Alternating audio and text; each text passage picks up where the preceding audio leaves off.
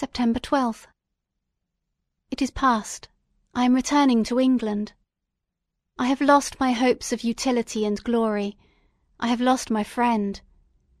But I will endeavour to detail these bitter circumstances to you, my dear sister, and while I am wafted towards England, and towards you, I will not despond.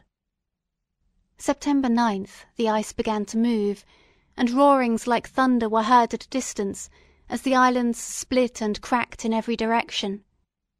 We were in the most imminent peril, but as we could only remain passive my chief attention was occupied by my unfortunate guest whose illness increased in such a degree that he was entirely confined to his bed.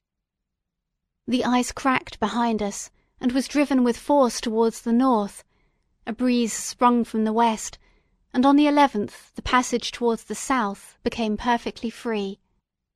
When the sailors saw this, and that their return to their native country was apparently assured, a shout of tumultuous joy broke from them, loud and long continued. Frankenstein, who was dozing, awoke, and asked the cause of the tumult.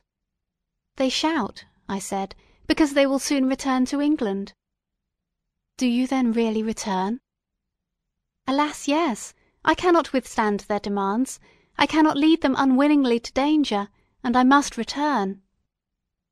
"Do so, if you will, but I will not.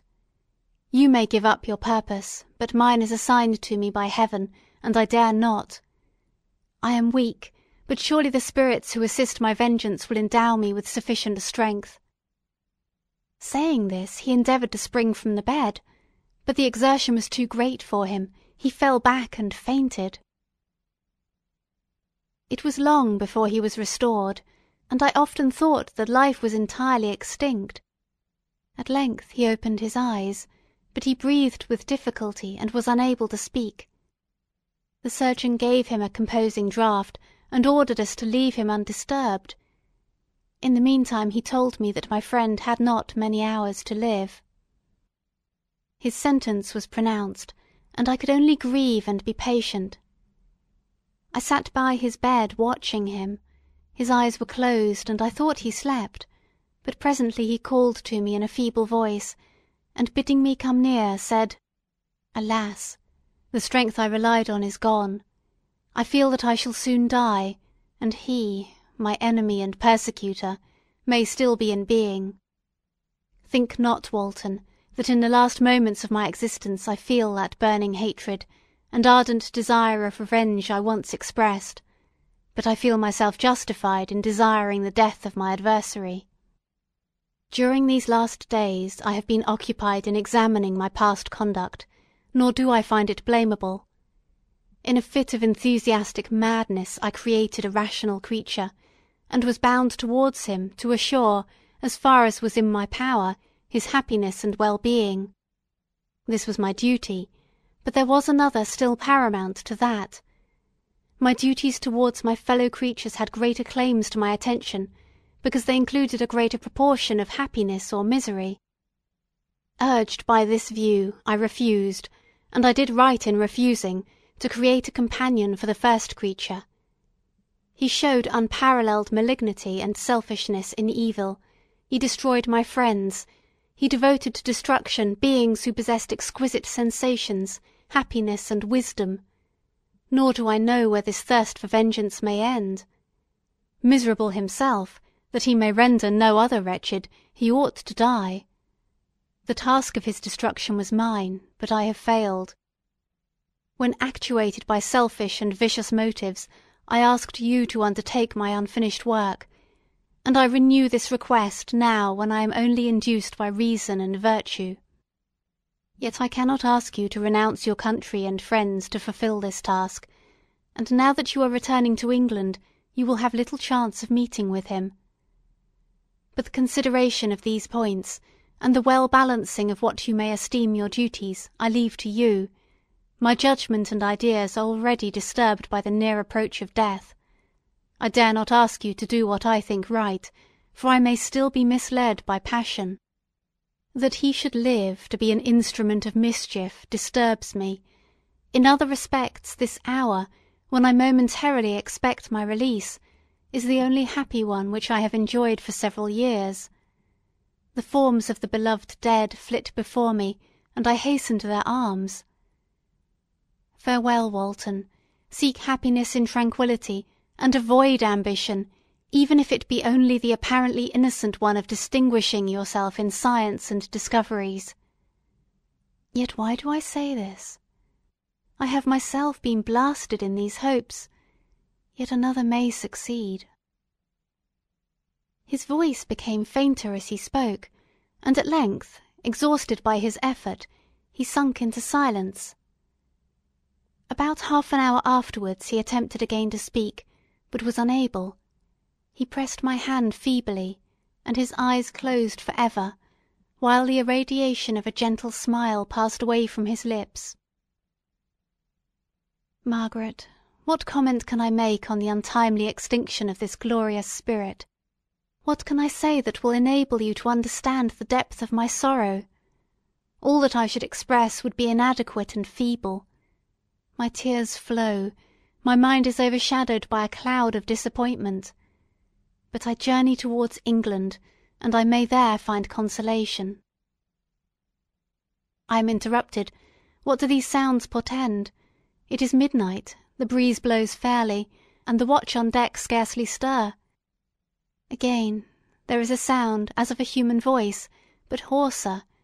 It comes from the cabin where the remains of Frankenstein still lie. I must arise and examine. Good night, my sister. Great God! What a scene has just taken place! I am yet dizzy with the remembrance of it. I hardly know whether I shall have the power to detail it, yet the tale which I have recorded would be incomplete without this final and wonderful catastrophe. I entered the cabin where lay the remains of my ill-fated and admirable friend. Over him hung a form which I cannot find words to describe, gigantic in stature, yet uncouth and distorted in its proportions. As he hung over the coffin, his face was concealed by long locks of ragged hair, but one vast hand was extended, in colour and apparent texture like that of a mummy. When he heard the sound of my approach, he ceased to utter exclamations of grief and horror, and sprung towards the window. Never did I behold a vision so horrible as his face, of such loathsome yet appalling hideousness. I shut my eyes involuntarily, and endeavoured to recollect what were my duties with regard to this destroyer. I called on him to stay. He paused, looking on me with wonder, and again turning towards the lifeless form of his creator, he seemed to forget my presence, and every feature and gesture seemed instigated by the wildest rage of some uncontrollable passion. "That is also my victim!" he exclaimed. "In his murder my crimes are consummated. The miserable series of my being is wound to its close. O Frankenstein, generous and self-devoted being, what does it avail that I now ask thee to pardon me? I, who irretrievably destroyed thee by destroying all thou lovest. Alas, he is cold, he cannot answer me."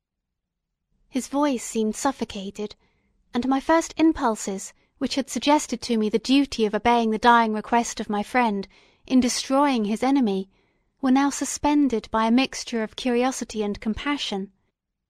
I approached this tremendous being. I dared not again raise looks upon his face, there was something so scaring and unearthly in his ugliness.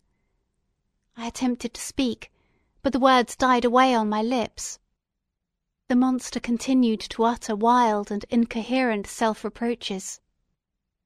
At length I gathered resolution to address him in a pause of the tempest of his passion. "Your repentance," I said, "is now superfluous. If you had listened to the voice of conscience, and heeded the stings of remorse, before you had urged your diabolical vengeance to this extremity, Frankenstein would yet have lived." "And do you dream?" Said the Demon. "Do you think that I was then dead to agony and remorse? He," he continued, pointing to the corpse, "he suffered not more in the consummation of the deed, oh, not the ten thousandth portion of the anguish that was mine during the lingering detail of its execution. A frightful selfishness hurried me on, while my heart was poisoned with remorse. Think ye that the groans of Clerval were music to my ears? My heart was fashioned to be susceptible of love and sympathy, and when wrenched by misery to vice and hatred, it did not endure the violence of the change without torture, such as even you cannot imagine. After the murder of Clerval, I returned to Switzerland heartbroken and overcome. I pitied Frankenstein, my pity amounted to horror, I abhorred myself. But when I discovered that he, the author at once of my existence and of its unspeakable torments, dared to hope for happiness, that while he accumulated wretchedness and despair upon me, he sought his own enjoyment in feelings and passions, from the indulgence of which I was forever barred, then impotent envy and bitter indignation filled me with an insatiable thirst for vengeance. I recollected my threat, and resolved that it should be accomplished. I knew that I was preparing for myself a deadly torture, but I was the slave, not the master, of an impulse which I detested, yet could not disobey. Yet when she died, nay, then I was not miserable. I had cast off all feeling, subdued all anguish, to riot in the excess of my despair. Evil thenceforth became my good. Urged thus far, I had no choice but to adapt my nature to an element which I had willingly chosen. The completion of my demoniacal design became an insatiable passion, and now it is ended. There is my last victim. I was at first touched by the expressions of his misery, yet when I called to mind what Frankenstein had said of his powers of eloquence and persuasion, and when I again cast my eyes on the lifeless form of my friend, indignation was rekindled within me. Wretch, I said, it is well that you come here to whine over the desolation that you have made. You throw a torch into a pile of buildings, and when they are consumed you sit among the ruins and lament the fall. Hypocritical fiend! If he whom you mourn still lived, still would he be the object, again would he become the prey, of your accursed vengeance. It is not pity that you feel, you lament only because the victim of your malignity is withdrawn from your power. Oh, it is not thus, not thus, interrupted the being. Yet such must be the impression conveyed to you by what appears to be the purport of my actions. Yet I seek not a fellow feeling in my misery. No sympathy may I ever find.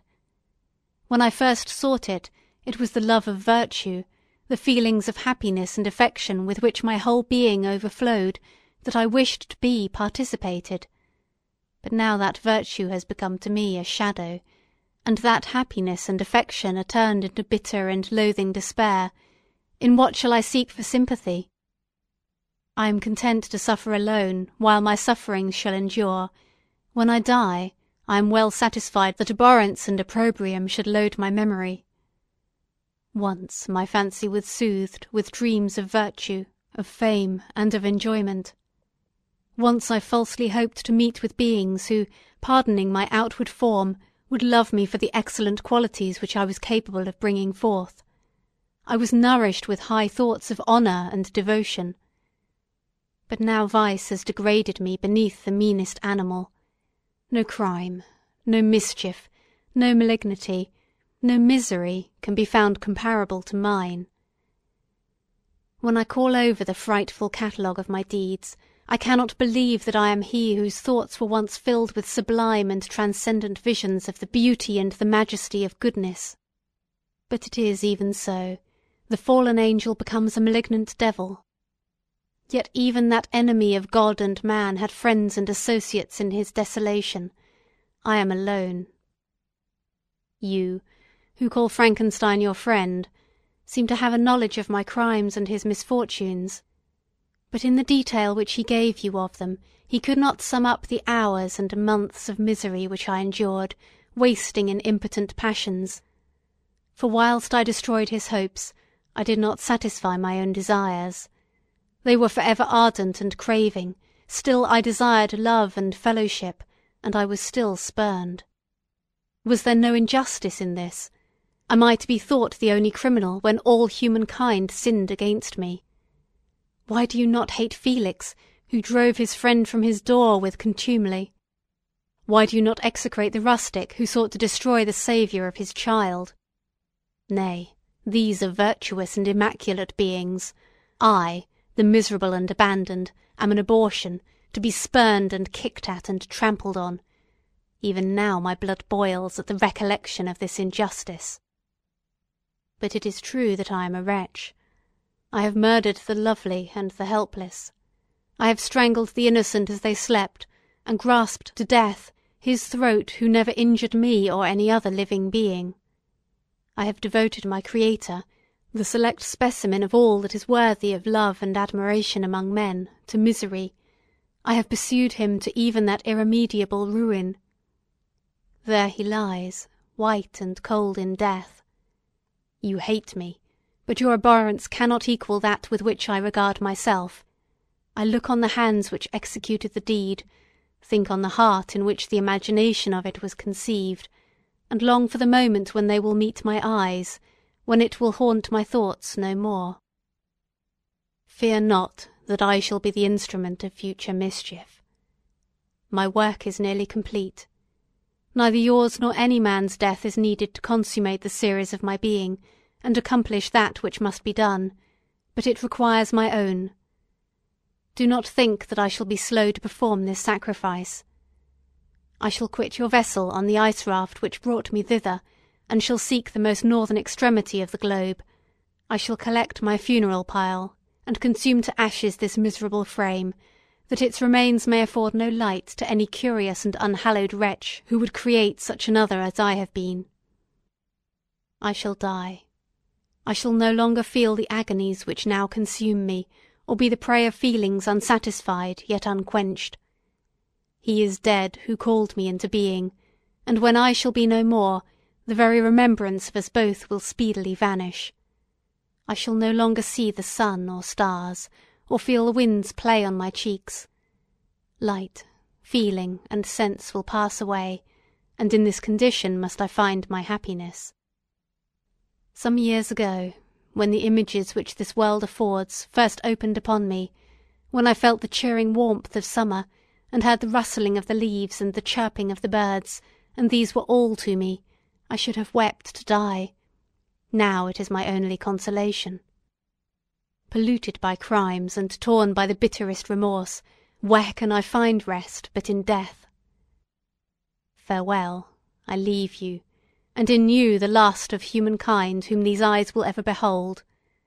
Farewell, Frankenstein, if thou wert yet alive, and yet cherished a desire of revenge against me, it would be better satiated in my life than in my destruction.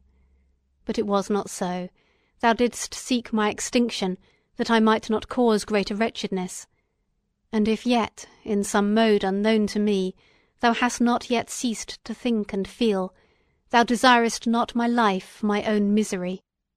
Blasted as thou wert, my agony was still superior to thine, for the bitter sting of remorse may not cease to rankle in my wounds until death shall close them for ever. But soon, he cried, with sad and solemn enthusiasm, I shall die, and what I now feel be no longer felt. Soon these burning miseries will be extinct. I shall ascend my funeral pyre triumphantly, and exult in the agony of the torturing flames. The light of that conflagration will fade away, my ashes will be swept into the sea by the winds. My spirit will sleep in peace. Or, if it thinks, it will not surely think thus. Farewell. He sprung from the cabin window as he said this, upon the ice raft which lay close to the vessel. He was soon borne away by the waves, and lost in darkness and distance. End of Frankenstein or The Modern Prometheus by Mary Shelley. Recording by Corrie Samuel